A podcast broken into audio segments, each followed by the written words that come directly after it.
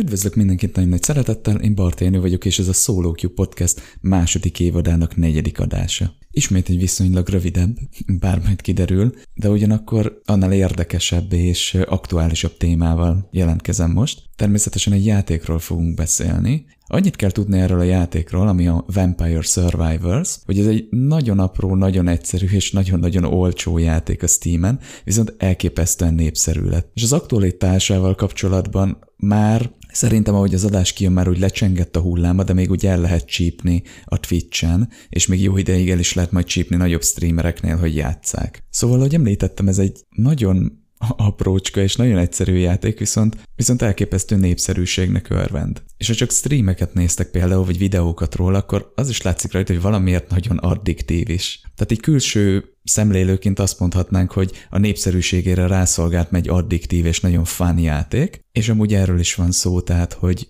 az, hogy mennyire jó ezzel játszani, és tényleg mennyire addiktív, az alátámaszthatja a népszerűségét, de ez a játék csak ettől nem lett volna ennyire népszerű. Na, és ebben az epizódban arról fogunk beszélni, hogy egyrészt hogy lett ennyire népszerű ez a játék, és miért ennyire addiktív. Ez két igen fontos téma, ugye, hogy miért ennyire addiktív, ez nekünk játékdesign szempontból egy örök kérdés, hogy természetesen a, a fehér és a jó oldalon maradva, tehát nem a, a dark side-ra áttévedve, ahol ezek a félkarú rabló jellegű játékok vannak, de játékdesignerként érdekes számunkra, hogy mitől lesz egy játék motiváló, vagy hát addiktív. Mert ugye vannak remek játékok, amik nem azért készültek, hogy ugye megfosszanak minket a pénzünktől mikrotranszakciók által, de mégis nagyon addiktívek. Tehát ez az addikció, ez nem feltétlenül egy rossz szó, hogyha most játékdesignban használjuk, legalábbis a játékdesignnak a, a világos oldalán. Tehát a Vampire Survivors-nak a addiktív mi volt, ezért lesz nekünk fontos.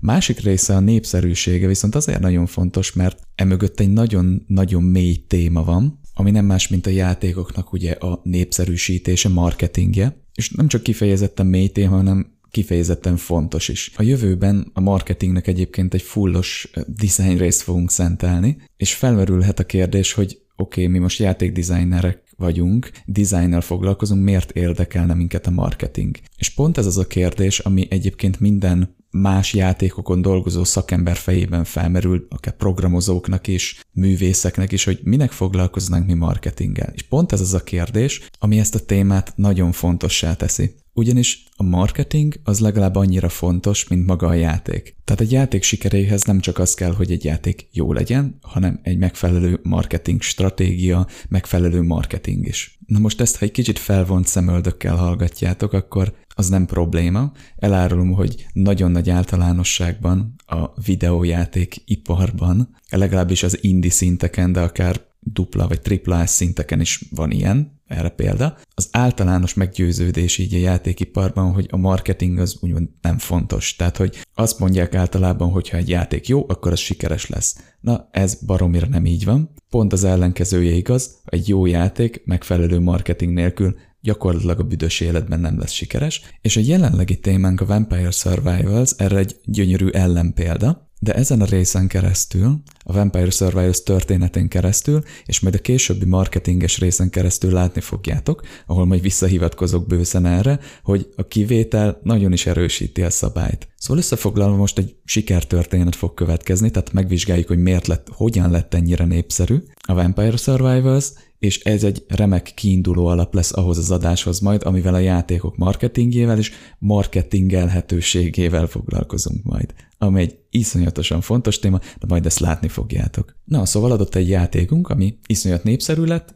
iszonyatosan fun, Viszont egyébként úgy néz ki, hogy azok a streamerek, akik Twitch-en játszák, és 20-30 ezer ember nézi őket, egyébként alapjártan bottal se piszkálnák meg, kinézet alapján, az is látszik, hogy rengeteg nagyon király játék lehet így a Steam búgyraiban, és hogyha a csillagok úgy állnak, akkor ez így az emberek elé tud kerülni. Na de milyen játék ez a Vampire Survivors? Mi ez egyáltalán? Nézzük meg a játékot magát. Nehéz megfogalmazni, de hogyha stílus, játékstílusokat kellene erre így rásütni, akkor azt mondhatnánk, hogy ez ilyen idle, clicker, roguelike játék, Castlevania jellegű pixel grafikával. Na ez már elég vadnak tűnik, de nézzük meg a játékmechanikákat. Adott két D-ben egy terep, egy kezdésnek egy ilyen füves rét, amin mehetsz fel, le, balra és jobbra. és ennyit kell csinálnod. Semmi mást. Tehát nyomnod kell a fel, le, balra, jobbra gombokat. Nem a kurzorokat, nem VASD. És az történik, hogy szörnyek jönnek feléd, amik az ég egyet a világon semmit nem tudnak, tehát csak van egy kis életük, ha hozzád érnek, van sebzésük, nem lőnek, nem varázsolnak, csak jönnek feléd, nem kerülgetnek semmi. Csak egyszerűen azok, nem tudom, dobozok is lehetnének, jönnek feléd. A karaktered, ahogy mondtam, csak mozognia kell karakterednek, és a varázslatok és támadások, amik ugye ahhoz segítik, hogy legyőzd ezeket a szörnyeket, azokat sem kell elsütnöd, hanem automatikusan elsüti neked a játék. És ennyi, semmi több. Ebből áll a játék, menned kell balra-jobbra fel le, automatikusan lő vagy üt a karaktered, és a szörnyek meghalnak. Na de ássunk egy kicsit mélyebbre, mert azért ennél komplexebb a játék, és mélyebb, de alapjáraton így első impulzusnál ennyit kell csinálnod. A következő, amit észre lehet venni, hogy a szörnyek hagynak maguk után ilyen kis kristályokat, ezeket a kristályokat, ha felveszed, akkor XP-t kapsz, tehát tapasztalati pontokat. Na, és léped a szinteket, és amikor lépsz egy szintet, akkor fejleszthetsz valamiféle fegyvert vagy varázslatot. A fegyverek vagy közelharci fegyverek, vagy valami távolsági varázslatok lehetnek. A varázslatok, amiket fejleszthetsz, azok meg valamilyen ilyen passzív booster cuccok, hogy mondjuk a különböző varázslatoknak a cooldownját lenyomja. Tehát hamarabb fogja egymás után elsütni a varázslatokat a karakter, amik egyébként a szörnyeket célozzák a szélrózsa minden irányába egy random. Na, tehát egyszerűen ennyi van, hogy ölöd a szörnyeket, léped a szinteket, és egyre erősebb fegyvereid és varázslataid lesznek. Na, eddig ez mind király. Viszont a szörnyek között néhány elit is van, amik nagyobbat sebeznek, és sokkal több az életük, de ugyanúgy csak feléd jönnek, ennyi és ezekből az elitekből kiesnek ilyen ládák. Ezekben a ládákban lehet a WoW-ból, meg rengeteg RPG-ből megszokott ilyen common, rare, epic, legendary, aztán csak három szint van, tehát nevezzük őket rare, epic, legendary lootoknak, és ez igazából csak annyit jelent, hogy ha rare loot van, akkor egy tárgyat kapsz, ha epic, akkor hármat, ha legendary, akkor ötöt. És ezek ugyanazok a tárgyak, amiket megszerezhetsz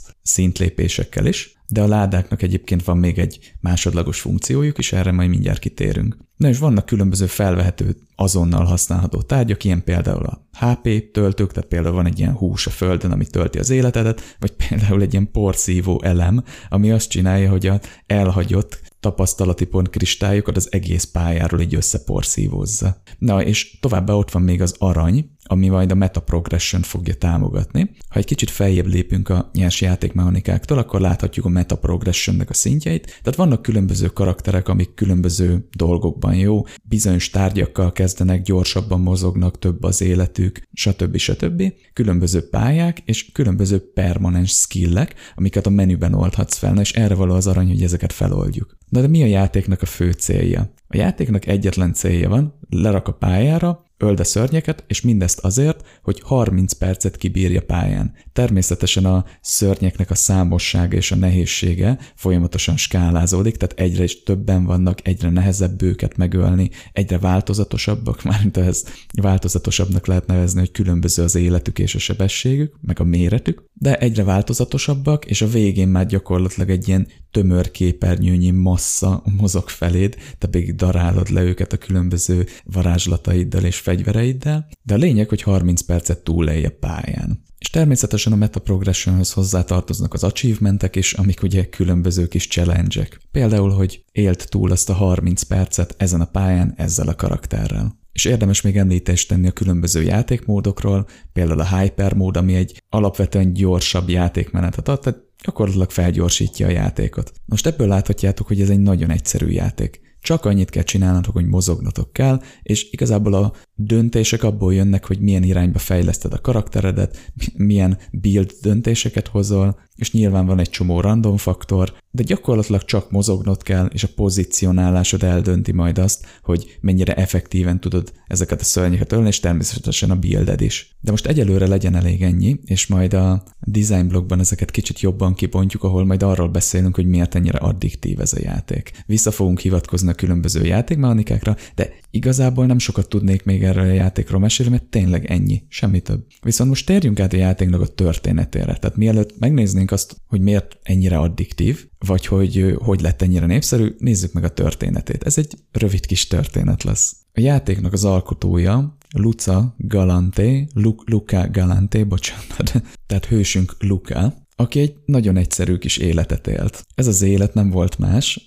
nyilván a munkája és a magánélete mellett, hogy egy Ultima online szervernek, privát Ultima online szervernek volt a adminja és a scripterje. Na most sajnos ez a privát szerver megszűnt, és szegénynek nagyon elkezdett hiányozni a közösség. És az az ötlete támad, hogy mi lenne, hogyha csinálna egy játékot, amit ilyen 5-10 ember majd játszani fog, egy nagyon egyszerű kis játékot, és akkor majd kiépül köré egy kis community, egy kis közösség, és újra lesz egy kis közösség, amivel foglalkozhat, törődhet és beszélgethet velük, úgyhogy ez volt a nagy terv, hogy visszakapjon egy kis közösséget, ami neki nagyon fontos volt az életében, ez is, és ezért majd csinál egy játékot. Na és gondolkozott rajta, hogy milyen játékot kéne csinálni, és volt egy nagy kedvenc mobil játéka, a Magic Survival. Itt már egyből feltűnhet egy kis névegyezés, de nem csak a név egyezik, tehát hogy Magic Survival vagy Vampire Survivals, hanem maga a játék is egyezik. Tehát a Magic Survival az egy olyan mobiljáték, ami gyakorlatilag ugyanez. Tehát nem az ő ötlete volt ez a játékrecept, hanem ezt egy az egyben átvette egy mobilos játékból. És itt ez egy nagyon érdekes pont, és térjünk is ki rá, hogy a Vampire Survivors PC-n mocskosul egyszerű.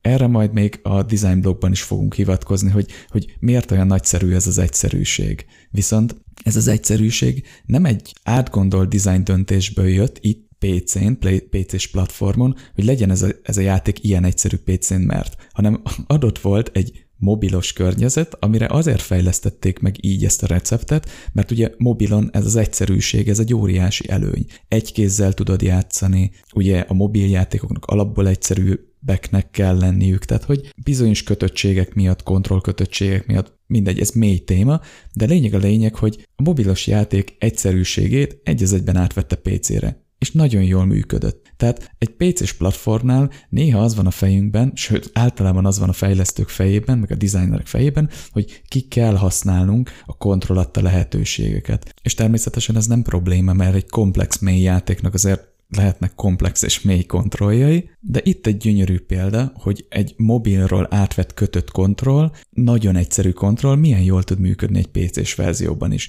És ez szerintem egy óriási tanulság. Nem egy mobilos játék van, amit már áthoztak PC-re, sőt, rengeteg. És ugye nem egy PC-s játék van, amit átvittek mobilra. Tehát ez a, ez a kettő, ez azért tud együtt mozogni. És viszont nagyon izgalmas, hogy egy ennyire mobilra tervezett élmény milyen jól tud működni PC-s környezetben. Na de visszatérve a történetünkre, Luke fogta magát, tetszett neki ez a játék, imádta a castlevania innen származik a grafika, és ezt a kettőt összerakta, innen jött az inspiráció, és megcsinálta magának ezt a játékot.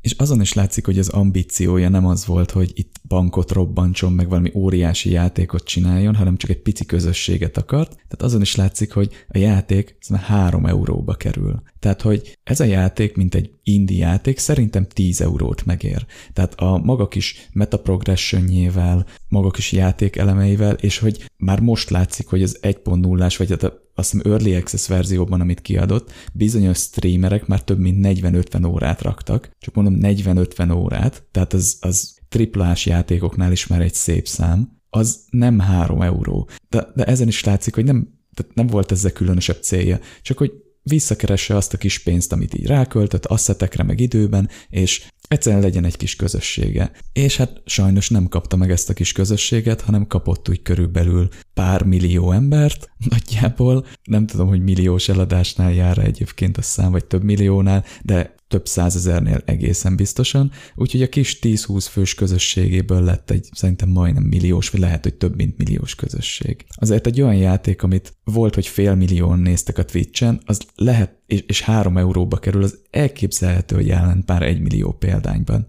Na de, mielőtt megnézzünk, hogy hogy is történhetett ez, hogy hogy lett ennyire népszerű, előbb térjünk rá a design blokkra, és nézzük meg, hogy miért ennyire addiktív ez a játék. Kezdjük ezt úgy, hogy először vonatkoztassunk erre a Vampire survivors és, és bontsuk ki magát az addikciót. Itt most nem félkarú rablókról, meg drogos történetekről fogunk beszélni, hanem az addikcióhoz kapcsolódó fogalmak lesznek inkább fontosak számunkra, ami nem más, mint ugye a motiváció és a dopamin. Kezdjük egy nagyon egyszerű kijelentéssel. Azért játszunk, mert jól érezzük magunkat tőle, és élvezetet akarunk. És igen sokáig a tudósok úgy gondolták, hogy a dopamin az maga az élvezet. Tehát amikor felszabadul a dopamin a szervezetben, akkor érezzük az élvezetet. Tehát maga az az, az érzés. És hát tudjuk, hogy a játékok dopamin szabadítanak fel, és a dopamin, mint neurotranszmitter, nagyon sok szerepe van, de nekünk, ami fontos, ugye ez a motiváció, jutalomérzés és a predikció. A motiváció ugye a játékokban nagyon fontos, és azt is tudjuk, hogy a dopamin motiválja a játékosokat arra, hogy tovább játszanak. Viszont a dopaminról később kiderült, hogy van egy ilyen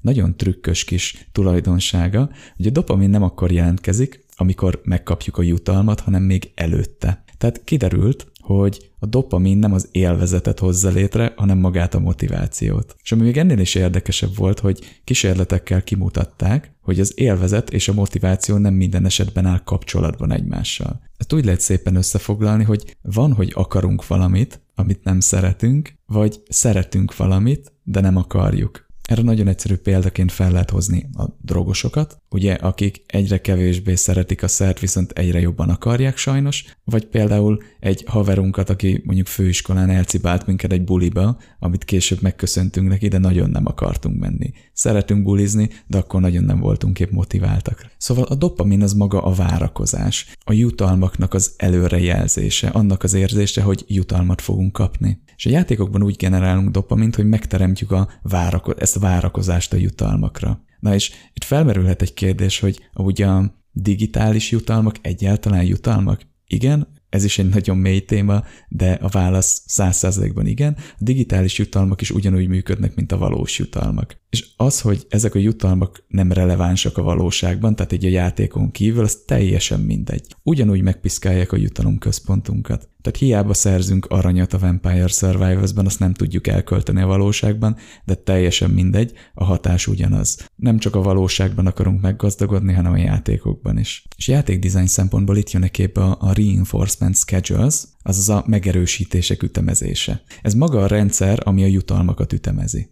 És ezeket a megerősítéseket két nagy csoportba szokás osztani, a kötött hányados és a változó hányados. Erről már beszéltünk egy korábbi részben, de a kötött hányados például az a jutalom, hogy a WoW-ban megölsz egy murlokot, és ez biztos droppolni fog neked egy küldetéstárgyat. Ezek azért gyenge motivációk, mert hamar kimerülnek az ismétlődés miatt. Tudod, hogy droppolni fogja, és nagyon hamar unalmassá válik. Ha tizet kell megölnöd, akkor a második után már dögunalom lesz, és utána ez a nyolc csak egy ilyen unalmas grind lesz. Viszont ott van a változó hányados, változó hányadosú megerősítésű ütemezés, ami például az, hogy megpiszkálják a murlokoknak a drop rétjét, és van, hogy egyáltalán nem fog dobni, van, vagy van, hogy kettőt fog dobni. De ez nagyon, ér, nagyon érdekes és nagyon erős motiváció, mert ebbe benne van ugye a kiszámíthatatlanság, és mindig várjuk, hogy na majd most szerencsénk lesz. És ez ugye ismerős lehet, mint változó hányados a félkarú rablókról, de akár a nehezen megkapható nőkről vagy férfiakról is. Nem hiába vonzódnak általában az emberek azokhoz, akik így fogalmazunk úgy kiszámíthatatlanok, tehát egyik nap nagyon kedvesek, másik nap pedig kisémú furcok, vagy mondjuk nagyon. Na és van még sokféle hányados, de most egyelőre maradjunk ennél a kettőnél, és itt a lényeg, hogy érdemes kombinálni őket egy rendszerben. Az tudja a legmagasabb motivációt szolgáltatni. De itt most ne is időzzünk sokat, mert ez lesz még összetettebb és sokkal érdekesebb is, mert van a megerősítéseknek egy olyan fajtája, ami egy ilyen kiemelkedő emergent jellegű, tehát nem direktben dizájnolták meg őket, hanem kiemelkednek a játékrendszerekből. És ez az, ami igazán izgalmas, és ez fog majd rávezetni minket a konklúziókra és a gyakorlati felhasználásokra, praktikákra. Példaként nézzünk meg egy first person shooterben, egy lövöldözős játékban egy deathmatchet. Ugye a reward, tehát a jutalmad az maga a kill count, amikor a játék végén azt látod, hogy te vagy a toppon, tehát te öltél meg a legtöbb mert a többi játékos közül, te lőttél a legtöbbet, de maga ez a reward, ez nem olyan, mint egy fix ráta, vagy, egy, vagy akár egy változó ráta, hogy droppolja neked a játék véletlenszerűen, hanem a harc, tehát magából a rendszerekből emelkedik ki. A harcrendszerből, a pályadesignból, a matchmakingből. Viszont ez bizonyos játékoknál lehet nagyon konzisztens is. Tehát, hogyha viszonylag egyszerű a harcrendszer, meg nem annyira változatosak a pályák, akkor ezt egy nagyon jó játék, tehát egy játékos hamar ki tudja ismerni, nagyon profivá válik, és gyakorlatilag mindig a toppon lesz, a rosszabb játékosok meg mindig az alján. És ez azt fogja eredményezni, hogy a profi játékosok is viszonylag hamar ott hagyják a játékot, mert már nem lesz benne élvezet, nem lesz benne változatosság. De ugye, mint tudjuk, ez lehet sokkal változatosabb is, mert bizonyos játékokban, ahol gyakorlatilag egy deathmatch-et játszol,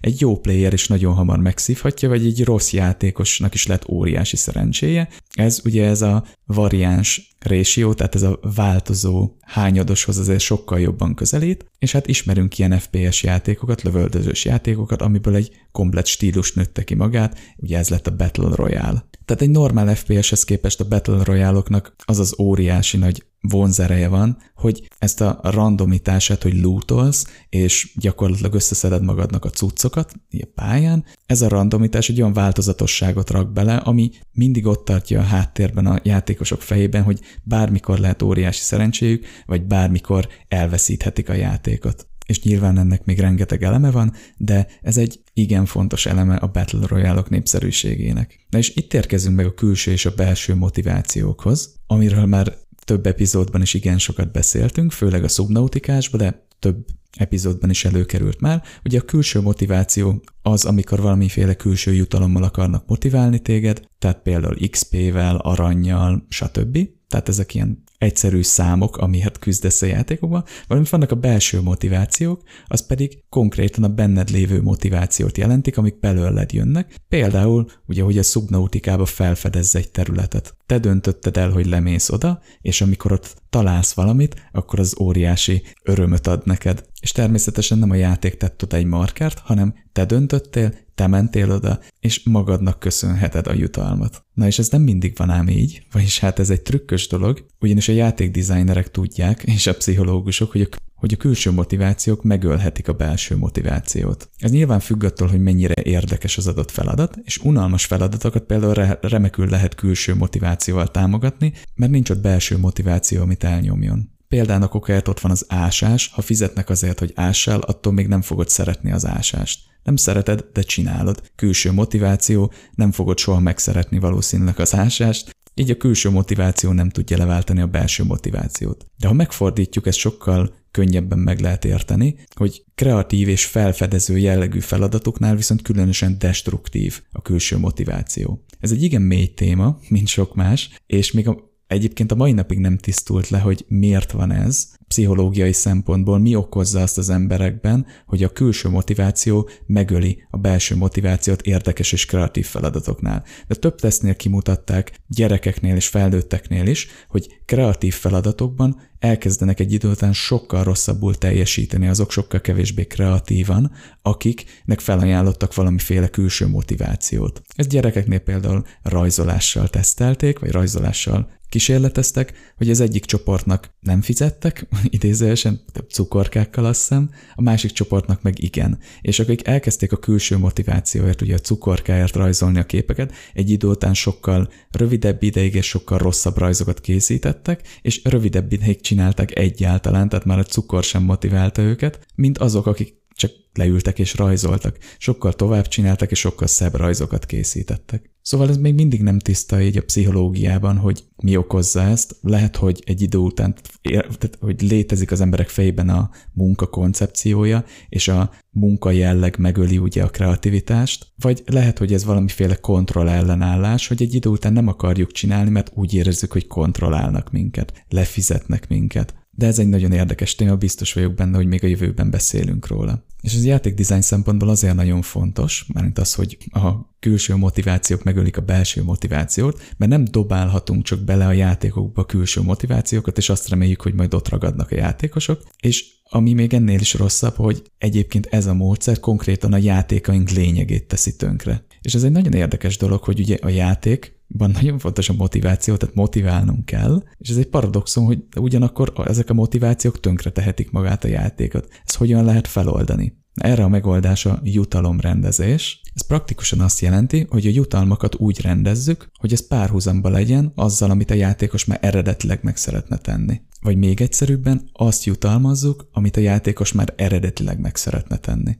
Tehát, hogyha hozzárendezzük a játékos belső motivációjához a jutalmakat, akkor az kevésbé lesz destruktív, sőt, ami a legjobb, össze is adódhat. Lásd Vampire Survivors. Tehát foglaljuk össze. Ugye a jut- játékokban a jutalmak iránti várakozás dopamin szabadít fel, és ugye a dopamin az maga a motiváció, ezt a motivációt akarjuk, viszont a külső motiváció mellett ott a belső motiváció, és ezt a kettőt úgymond kombinálva, tehát hogy belső motivációt ébresztünk a játékosban különböző játékmechanikákkal, és ehhez hozzárendeljük szépen a háttérből a külső motivációkat, ezzel egy nagyon erős motivációs loopot tudunk csinálni a játékban, és nagyon jelentőségteljeset. Tehát például ugye említettem a szubnautikában, hogy te döntöd el, hogy lemész oda, és ott találni is fogsz valamit. Na ez nem véletlen, úgy van megdizájnolva a pálya, hogy akarjod menni, de nem raknak oda egy markert, te fogod eldönteni, viszont a, Viszont a Subnautica designerei tudták, hogy le fogsz menni oda, ezért odaraknak neked egy kis jutalmat, ami nem a gyönyörű élő világ lesz, hanem olyan tárgyak, amiket a játékban használhatsz, hogy beteljesítsd a fő célodat, azaz, hogy túlélj és lelépj az adott bolygóról. És ezzel érkezünk meg a Vampire Survivals-hoz, hogy ha kívülről ránézünk, akkor ez a játék egy félkarú rabló.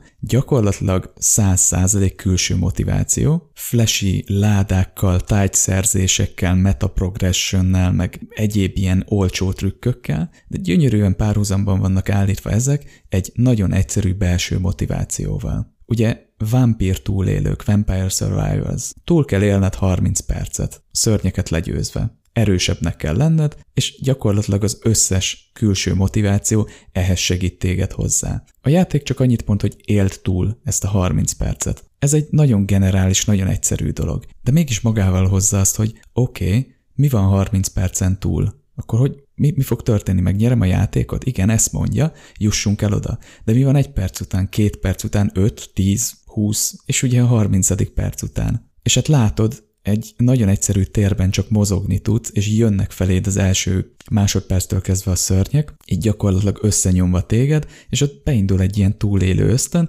és az egész már csak egy, egy spirálba áll össze. Telik az idő, egyre közelebb jutsz a célhoz, egyre több szörny jön, és akkor egyre erősebbnek kell lenned, te is tudod. És a játék ehhez rendeli hozzá ugye a külső motivációkat. És ez sok-sok jutalom szörnyek megölése. Nagyon jó, nagyon jó érzése, hogy így szétpukkannak a képernyőn. XP felvétel, kis, a kis hangjuk, a kis effektjük. Érzed és látod azt a óriási nagy csíkot a képernyőn, hogy megy felfelé. Mindjárt szintet lépek. Ugye maga a szintlépés, az is egy, egy hogy is mondja, ilyen rituál így a játékban, ahogy így chillingelnek össze-vissza a háttérben a kis XP kristályok, és vibrál minden. Aztán kiválaszthatod a tárgyadat, dönthetsz, hogy mi lesz a builded, izgulhatsz majd, hogy, hogy működik-e a builded. Aztán ott vannak a ládák. A ládák is ilyen robbanással, zenével körítve fedik fel, hogy milyen tárgyat vagy tárgyakat adnak. Ugye az, hogy egyáltalán most egy legendary lesz, vagy csak egy sima láda, mi lesz benne. És említettem, hogy a ládákhoz még majd vissza fogok térni. Ugye a Vampire Survivors-ben a fegyvereket, amikkel ténylegesen tudod ölni a szörnyeket, sebezni, tehát nem a varázstárgyak, amik boostolnak. A fegyvereket lehet evolválni, tehát lehet egy felsőbb szintre fejleszteni őket. Ez azt jelenti, hogy ha összegyűjtesz ugyanabból a fegyverből, azt mondom, hetet vagy nyolcat, most pontosan nem tudom,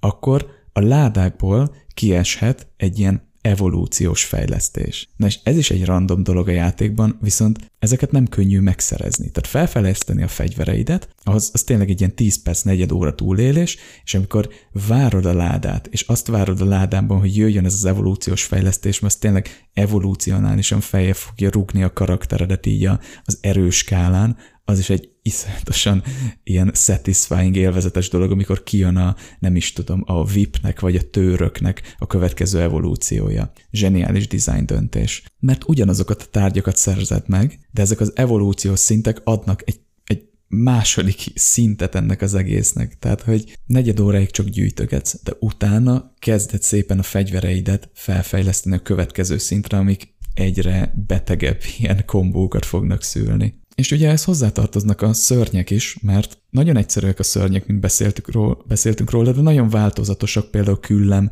méret, meg ugye az elitek szempontjából. És vannak benne ilyen apró gimikek is, például vannak ilyen húsevő növények, amik néha megjelennek egy adott pályán egy gyűrűt alkotva, és ezt a gyűrűt elkezdik összenyomni, és nagyon sok az életük. És bizonyos részein a játéknak, egy ránnak, ezt a gyűrűt így elkezdik ugye így összenyomni, és egyre kisebb helyed van. Később lesz olyan karakter, ami például nem mozdulhat ki egy ilyen gyűrűből, mert rögtön meghal. Az egy ilyen challenge lesz. Szóval összefoglalva van a játékban egy nagyon egyszerű belső motiváció, ugye ez a Mondhatjuk külsőnek is, hogy élj túl 30 percet, de ez annyira generális, hogy ez ilyen belső motiváció is, hogy a különböző perceket túlélt, és nyilván ehhez hozzátartozik az, hogy erősebb legyél. És a Vampire Survivors ezt remekül párhuzamba helyezi a külső motivációival, tehát gyakorlatilag azt jutalmazza, amit te tényleg el szeretnél érni, és ezt ilyen elképesztően flashy és satisfying módokon. Ugye megtámogatva minden egyes fejlődést, szörnylegyőzést, mindent ilyen flashy robbanásokkal és színekkel. Ugye ez sok helyen elég erősen a szerencsejátékokat tükrözi, de nyilván ez nem egy szerencsejáték, abból a szempontból, hogy itt ugye nem pénzt fogsz nyerni, tehát ez nem egy félkarú rabló, de az addiktív mi volt, az hasonló egyébként egy félkarú rablóhoz. Ugyanis nem szabad amellett sem elmenni, ugye amiről már beszéltünk, hogy borzasztóan egyszerű a játék.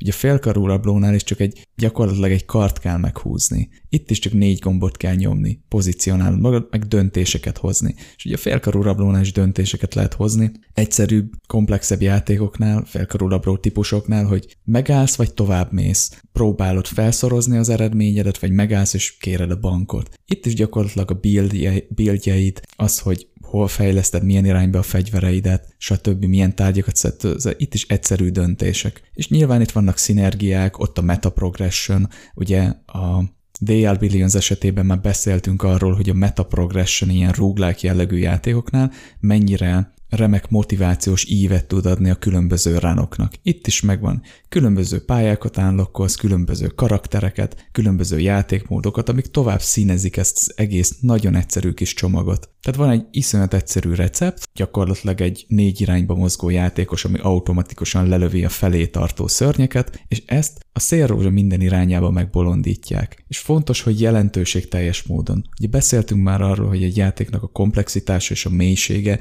az nagyon nem ugyanaz. A komplexitás csak bonyolultabbá teszi a játékot, a mélység ugye meg érdekesebbé. És itt teleszorhatta volna a jó reg Luka olyan tárgyakkal a játékot, amik semmit nem adnak hozzá. De nem, szépen fogalmazunk, hogy visszafogta a tárgyaknak, meg a szörnyeknek is valamilyen szinten a számosságát, és olyan mechanikákat rakott a játékba, amik jelentőséggel bírnak a játék szempontjából, tehát erősítik ezt az alapélményt. És a meta progression is ilyen. Jó, itt azért vannak már egy kicsit erőltetett részek is, tehát nem minden karakter azért annyira különbözik a másiktól, külsőre nyilván igen, de mint belső tulajdonságaikban, mint képességeikben azért nem feltétlenül. De látszik rajta az igyekezet, hogy amit beletett a játékban, metaprogressionben is, az jelentőséggel, bírni az alapjátékmechanikák szempontjából. Na és hát sokat néztem bizonyos streamereket, hogy játsszák ezeket a játékokat, és, és volt egy-két igen érdekes momentum, tehát ez olyan volt, mintha egy playtestet néztem volna erről a játékról, és bizony fel is jegyeztem néhány momentumot, amik egyébként motiváltak is arra, hogy beszéljek erről a játékról, meg megvilágították azt, hogy melyek a Vampire Survivors-nek az igen csak addiktív részei. És ezek közül mondanék néhányat még. Többen ilyen robot porszívóhoz vagy porszívóhoz hasonlították az XP kristály felszedést, és kiemelték, mint a játéknak egy nagyon élvezetes része. És tényleg, ahogy így csillingel, megölöd a szörnyeket, és csillingelnek ezek a kristályok, és így a karakteret szívja, mint egy robot porszívó, ugye nem hiába szoktak ilyen porszívós, szőnyek takarítós videókat nézni az emberek a YouTube-on, mert ez valamiért ilyen nagyon satisfying érzést ad az embereknek, vagy ilyen, nem, nem is tudom, hogy mondjam, de tényleg van egy ilyen hatása, és ebben a játékban ez megelevenedik. Tehát, hogy az XP kristályokat így beszívja a karaktered, az zseniális. És ugye van egy tárgy, amit fel tudsz venni egy ilyen teljesen random droppolt tárgy, ami az egész pályáról beszívja. És több, több streamernél is volt, hogy így, így uh, még nem veszem fel, nem veszem fel, de már, de már készülök, hogy felvegyem, és akkor na majd most, és akkor így uh, így az egész pályáról így betolják a nagy izé kristályadagot. Zseniális. Aztán egy YouTube videóban van egy momentum, meg több streamernél is láttam ugye a ládanyitogatás, hogy el lehet nyomni. Egy idő után elnyomják már a ládanyítást a játékosok, ugye, akik már a challenge ránokat csinálják, tehát nem tehát egy kicsit így elfárad ez az effekt, de főleg a játék elején, amikor így szólnak a streamereknek a chaten, hogy figyelj, el lehet nyomni ám a ládanyitást. Volt egy ilyen idézet, hogy, vagy hát többen mondták, hogy miért nyomnád el? A játéknak ez a legjobb része. És tényleg, ahogy beindul az a zene, beindulnak a flashy animációk, és így az arcodba topja a játék, hogy mit kapsz a ládából, az tényleg valami ilyen különleges élvezeti értékkel bír. Tehát a, a, a jó Lucas geniálisan megcsinálta animációk szempontjából, hogy tényleg ez a flashy ilyen félkarú rabló hatása legyen, hogy tényleg felrakja a pontot az íre, ez a, ez a reward, ahogy így megkapja ezt a jutalmat a játékos. Pláne ugye, hogyha Legendary Chestet nyitsz, vagy Epicet, akkor hosszabb a zene, és hosszabb ez a jutalmi fázis. És a, a, azok a játékosok, akik egyébként már nem tudom, beleraktok 40 órát, és a challenge runokat csinálják, azok például a Legendary ládákat még nem szokták elnyomni, hanem végigvárják, mert gyakorlatilag így táncolnak a székben egy kicsit a zenére. És a többen kiemelték azt, hogy nagyon egyszerű a játék, és ez nagyon jó. Ugye beszéltünk erről a magánál a történetnél, hogy ez egy mobilos alapra épült, tehát egy mobilos játék inspirálta, és onnan zseniálisan ugye, hát vagy véletlenszerűen és zseniálisan át lett hozva ez az egész így egy az egyben PC-re,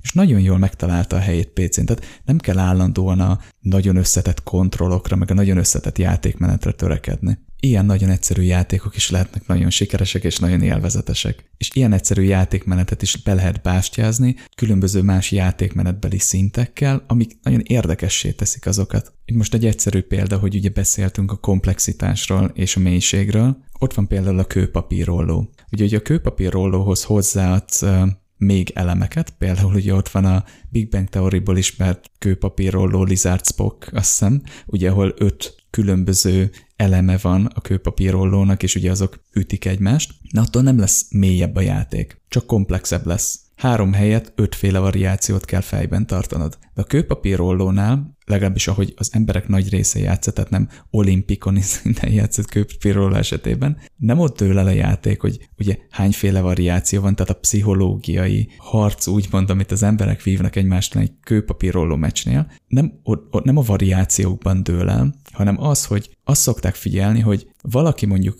ad neked egy követ, te meg reagálsz rá valamit, tehát ugye raktok mind a ketten, akkor a következő körben vajon ugyanezt fogja rakni, vagy valami mást. És az a valami más, azt nem fogod tudni betippelni, de azt meg tudod mondani, hogy ugyanaz lesz, vagy különböző, kiismerve a másik játékost. És ez ettől nem lesz mélyebb a játék, hogy ötféle variáció van, mert ott is csak két dolgot tudsz eldönteni. Ugyanazt fogja adni, vagy valami különbözőt. És hogyha ugyanaz, akkor lehet, hogy köt, követ fog mondani megint, ha különbözőt, akkor ugye ez lehet papírolló, lizard spoke, x, y, z, akármi.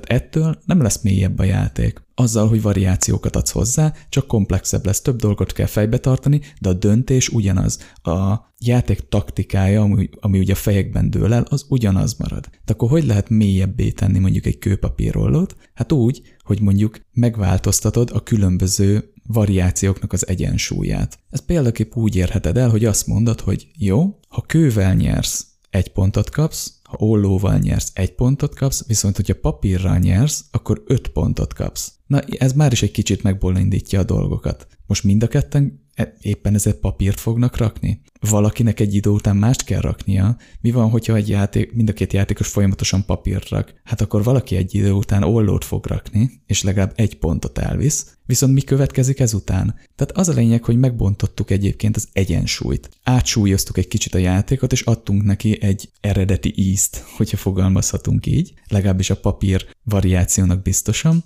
és egyébként ezt még meg lehet azzal is bolondítani, hogy forgatjuk ezt. Tehát kő, olló egy pont, papír öt pont. Aztán a következő körben egy másik variáció, mondjuk a olló fogja az öt pontot érni, a következőben meg megint a kő, aztán megint a papír. Na és ebből gyönyörű kis összetett pszichológiai egymás fejébe látós párbajok tudnak kialakulni. És a játék így ezzel mélyebb lett, nem feltétlenül csak komplexebb, egy kicsit komplexebb lett, de mélyebb is, mert azt a réteget piszkáltuk meg, ami a játéknak a valós mélységét adja, mégpedig az, hogy mi történik a fejekben. És hogyha ezen változtatunk, ezen shiftelünk, tehát nem csak a felszínen, akkor biztosak lehetünk benne, hogy mélyebbé tettük a játékot, viszont ha csak felületes elemeket adunk hozzá, azzal csak komplexebb lesz a játék. És úgy gondolom, hogy ilyen szempontból a Vampire Survivors egy jó irányba tart, tehát a jó Luca próbál, próbál olyan játékelemeket hozzáadni, amik tényleg mélyebbé teszik a játékot, nem csak komplexebbé. Ilyenek például a különböző challenge pályák, amik gyorsabbá teszik a játékot, teljesen átértelmezve a tárgyakat és a pozícionálást, vagy éppen egy olyan karakter, ami egy körből nem jöhet ki, és ezáltal megpontja azt a szabadságot, mozgási szabadságot, ami a játéknak egy alap aspektusa. Szóval összefoglalva itt arról beszéltünk, hogy Ez a játék nagyon addiktív, és ugye azért nagyon addiktív, mert ad egy olyan célt, amire nagyon jó kis belső motivációt tudunk építeni, egy nagyon egyszerű belső motivációt, ugye a túlélés, DR Billions esetében is beszéltünk már erről, egy időlimites túlélés, és azt a rengeteg nagyon jól kivitelezett animációk és tartalom szempontjából nagyon jól kivitelezett külső motivációt, amit ad a Vampire Survivors, azt ez gyönyörűen párhuzamban állítja ezzel. Tehát a reward alignmentje, ugye a jutalom rendezése a játéknak zseniális, és gyönyörűen látszik, hogy minden egyes rendszer a Vampire Survivors-ben ennek alá dolgozik. És mint design oldali tanulság ezt tudjuk magunkkal vinni, hogy lássuk, hogyan működik ugye a dopamin, a motiváció, hogyan működnek a különböző jutalmak, és végérvényben a jutalomrendezést azt próbáljuk úgy megvalósítani, hogy adjunk a játékosnak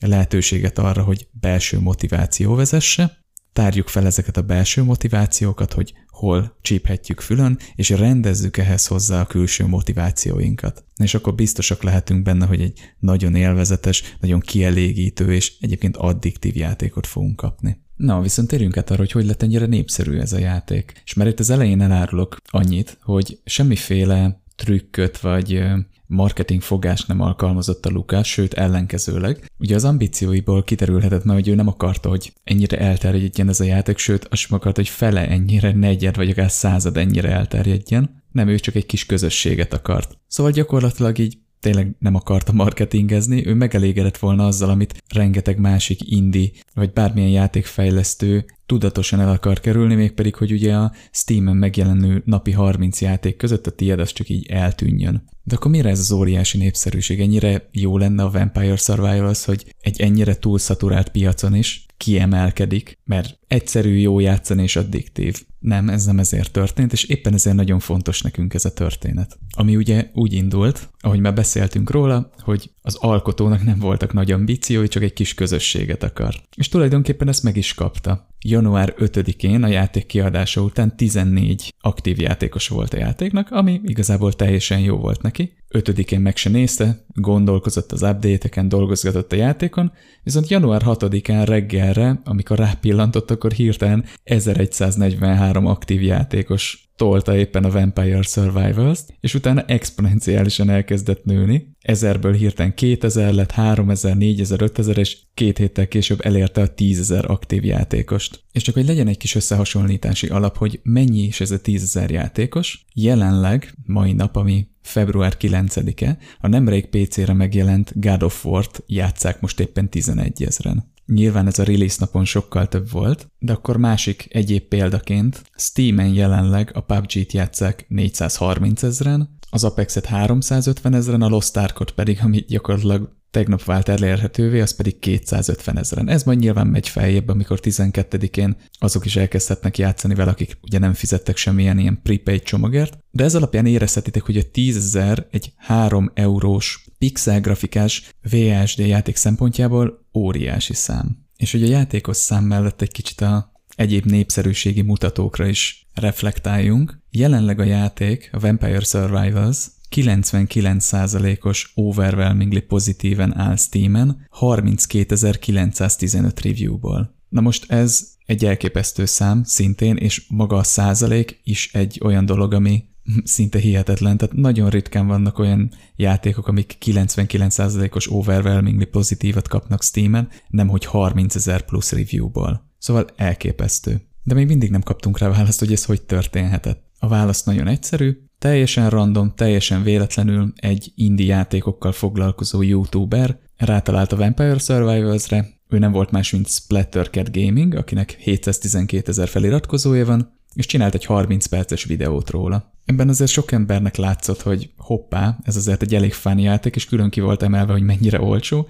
úgyhogy hirtelen ezer ember megvette és elkezdte játszani. Viszont a nézők között és hát a vásárlók között akadtak más youtuberek is és streamerek is, úgyhogy más tartalomgyártók is elkezdték felkapni, például Vanderbot a Twitchen, vagy Northern Lion a YouTube-on akinek már egy millió subscribere van, tehát egy elég nagy nézőbázisa, és egy innenstől kezdve gyakorlatilag nem volt megállás, elindult a lavina, nem is egy hógolyóból, hanem egy hópehelyből gyakorlatilag. És hát mi lett ennek a hatása? Tehát mi van most a történetünk hősével? Hát saját elmondása szerint nem sokat alszik, rengeteg dolga akad ugye az új feature-ökkel, ugye fejlesztésekkel, bugfixekkel, úgyhogy rengeteget dolgozik, de ugyanakkor nagyon pozitívan áll hozzá, mert bevallotta, hogy nagy vágy volt már régóta, hogy egy saját stúdiót alapítson, úgyhogy a játék sikere okán most ezt megteheti. Én azt tudom ehhez hozzátenni, vagy azt tudom erre mondani, hogy én nagyon örülök neki, nagyon örülök a sikerének, és minden jót kívánok neki, hiszen ez egy nagyon jól kivitelezett projekt, és az a alázat, az a szerénység, amivel hozzááll ehhez az egész helyzethez, az külön tiszteletet érdemel. Úgyhogy hajrá Luca Galante,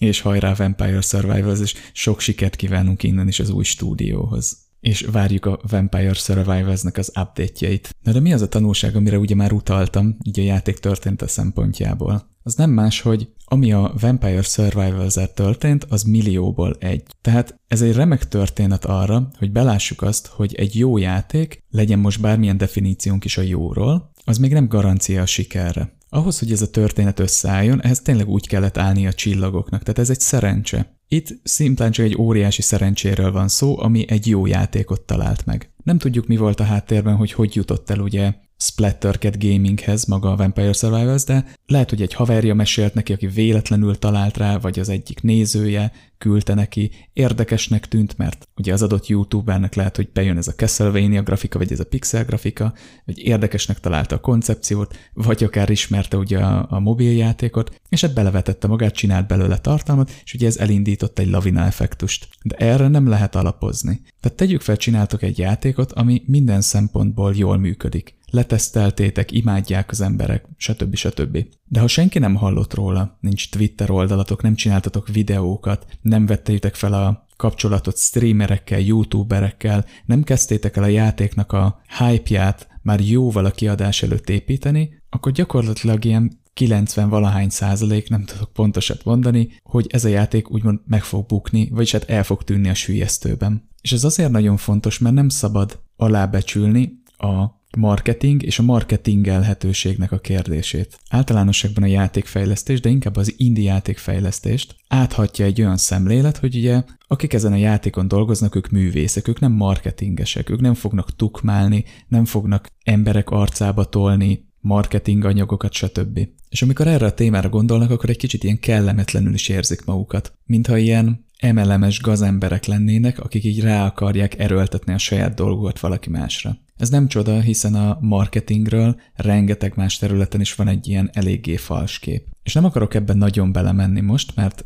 Erről szeretnék majd egy igen részletes és igen hosszú adást, ami ez a Vampire Survivors egy nagyon jó ellenpélda, és ahogy mondtam, a kivétel erősíti a szabályt, de alapvetően elmondható, hogy a marketing nem arról szól, hogy hazudsz a termékedről az embereknek, meg megpróbálod rájuk erőltetni. A marketing arról szól, hogy felhívd az emberek figyelmét, hogy létezik a terméked. És ez nem lehetőség, hanem kötelesség. Ha valakinek van egy olyan terméke, egy olyan megoldása, bármilyen, amiben hisz, hogy megváltoztatja a világot, egy jobb helyé teszi a világot, akkor kutya kötelessége felhívni rá az emberek figyelmét, hogy ez létezik. A történelemben rengeteg nagyszerű dolog veszett már csak el úgy a feledésbe, pont azért, mert az alkotói egyszerűen nem foglalkoztak a marketinggel. A Steam-en is valószínűleg több ezer olyan játék van, amik zseniálisak, Rivalda fényt érdemelnének, de mivel nem volt marketingjük, vagy elhanyagolt marketingjük volt, vagy valami probléma volt, ezzel a területen úgy általánosan, ezért sohasem fogják megkapni azt, ami egyébként járna nekik. És ami még szomorúbb, hogy rengeteg tehetség veszik el így. Tehát van, hogy összeállnak emberek és csinálnak egy fantasztikus játékot, nem foglalkoznak a marketinggel, és egyszerűen a termékük, ugye az, ami egyébként jobbá tenné a világot, eltűnik a sűjesztőben. És sajnos utána ezt úgy értelmezik, hogy amit alkottak volt rossz, pedig nem, csak nem vették észre az emberek, nem segítették a terméküket abban, hogy az emberek észrevehessék. És azzal, hogy magukra veszik, csak azt érik el, hogy a saját motivációjukat ölik meg, és kiszállnak. És ez azért szörnyű, mert lehet, hogy egy nagyon tehetséges csapat lehettek volna, akik növekedhettek volna, és óriási dolgokat hozhattak volna a világba. Tehát a marketing nem arról szól, hogy rá kell tukmálni a szarodat az emberekre. Nem, arról szól a marketing, hogy egy jó dolog, ami pozitív változást hoz a világba, arra felhívjuk az embereknek a figyelmét. És ha tudunk olyan dolgokat kreálni, amik értéket adnak a világnak, akkor kötelességünk ezt az emberek tudtár hozni, és ezzel ugye egy kicsit át is ívelhetünk a biznisz oldalra, hogy ugye ez fogja majd játékoknál az eladásokat generálni, és az eladásokból bejövő pénz teremti meg nekünk a lehetőséget arra, hogy még több értéket adjunk a világnak. Szóval ezért nagyon fontos a marketing, és visszautalva, az indie szénet nagyon átszövi egy ilyen marketing és biznisz ellenesség, hogy ezzel úgy foglalkozzanak mások, de nem. Ha az alkotók, legyen az designer, művész, fejlesztő, tisztában van a biznisz oldallal, tisztában van a marketing oldallal, akár csak felületesen, de tisztában van a jelentőségével, akkor akár egy teljesen más termék tud elkészülni, mintha ez nem így lenne. És éppen ezért tartom nagyon fontosnak, hogy el kell felejteni azt a gondolkodásmódot, hogy egy jó játék az majd alapból sikeres lesz. Tehát az, egy jó játék garancia sikerre. Persze, és amikor majd megütjük a téglafalat, mert senki nem tud semmit a játékokról, így esélye sincs terjedni, akkor pont ezen gondolatmenet miatt majd azt mondjuk, hogy hát, akkor valószínűleg nem volt jó a játékunk, de jó volt, csak senki nem tudott róla. Na, és most mélyebben ebben nem is akarok belemenni. Legyen elég annyi, hogy a Vampire Survivors egy nagyon jó példa arra, hogy a kivétel erősíti a szabályt. Ennek a játéknak a menetelése egy csodás történet, szerintem jobb helyre nem is kerülhetett volna ez a szerencse. Egy nagyon szerény, nagyon alázatos alkotó, aki csinált valami tényleg emberit embereknek így a szívéből és az ő kis érdeklődéséből, és pont ilyen emberek kellenek ahhoz, hogy stúdiókat alapítsanak, hogy abból tényleg valami értékes legyen a világban, hogy valami értékeset tudjanak alkotni. Úgyhogy nagyon jó helyre került ez a szerencse, de értsük meg azt, hogy ez egy szerencse volt. Tehát erre nem lehet alapozni, nem lehet üzletmenetet, nem lehet dizájnt, nem lehet semmit sem alapozni. Az ő ambíciója nem ez volt, hát és ez történt vele. De ahhoz, hogy ilyen és akár nagyobb sikereket érjünk el, ahhoz viszont marketingre van szükségünk, és nagyon tudatos és nagyon komplex építkezésre, de ennek is megvannak az eszközei, és az az adás, amiről beszéltem, az a hosszabb marketing és marketing elhetőséggel foglalkozó adás, az pont ezekről fog szólni. Na, úgyhogy ennyi lett volna ez az adás. Nem nagyon szoktam elmondani így a konkrét játékokkal foglalkozó adások végén, hogy vegyetek meg valamit, játszatok vele, de most szeretném ajánlani, hogy tényleg 3 euróba kerül, vagy 2 dollár, vagy 3 dollár. Vegyétek meg a Vampire Survivals-t, és hogyha így tetszett ez alapján, akkor adjatok neki egy esélyt, mert szerintem baromira fogjátok élvezni.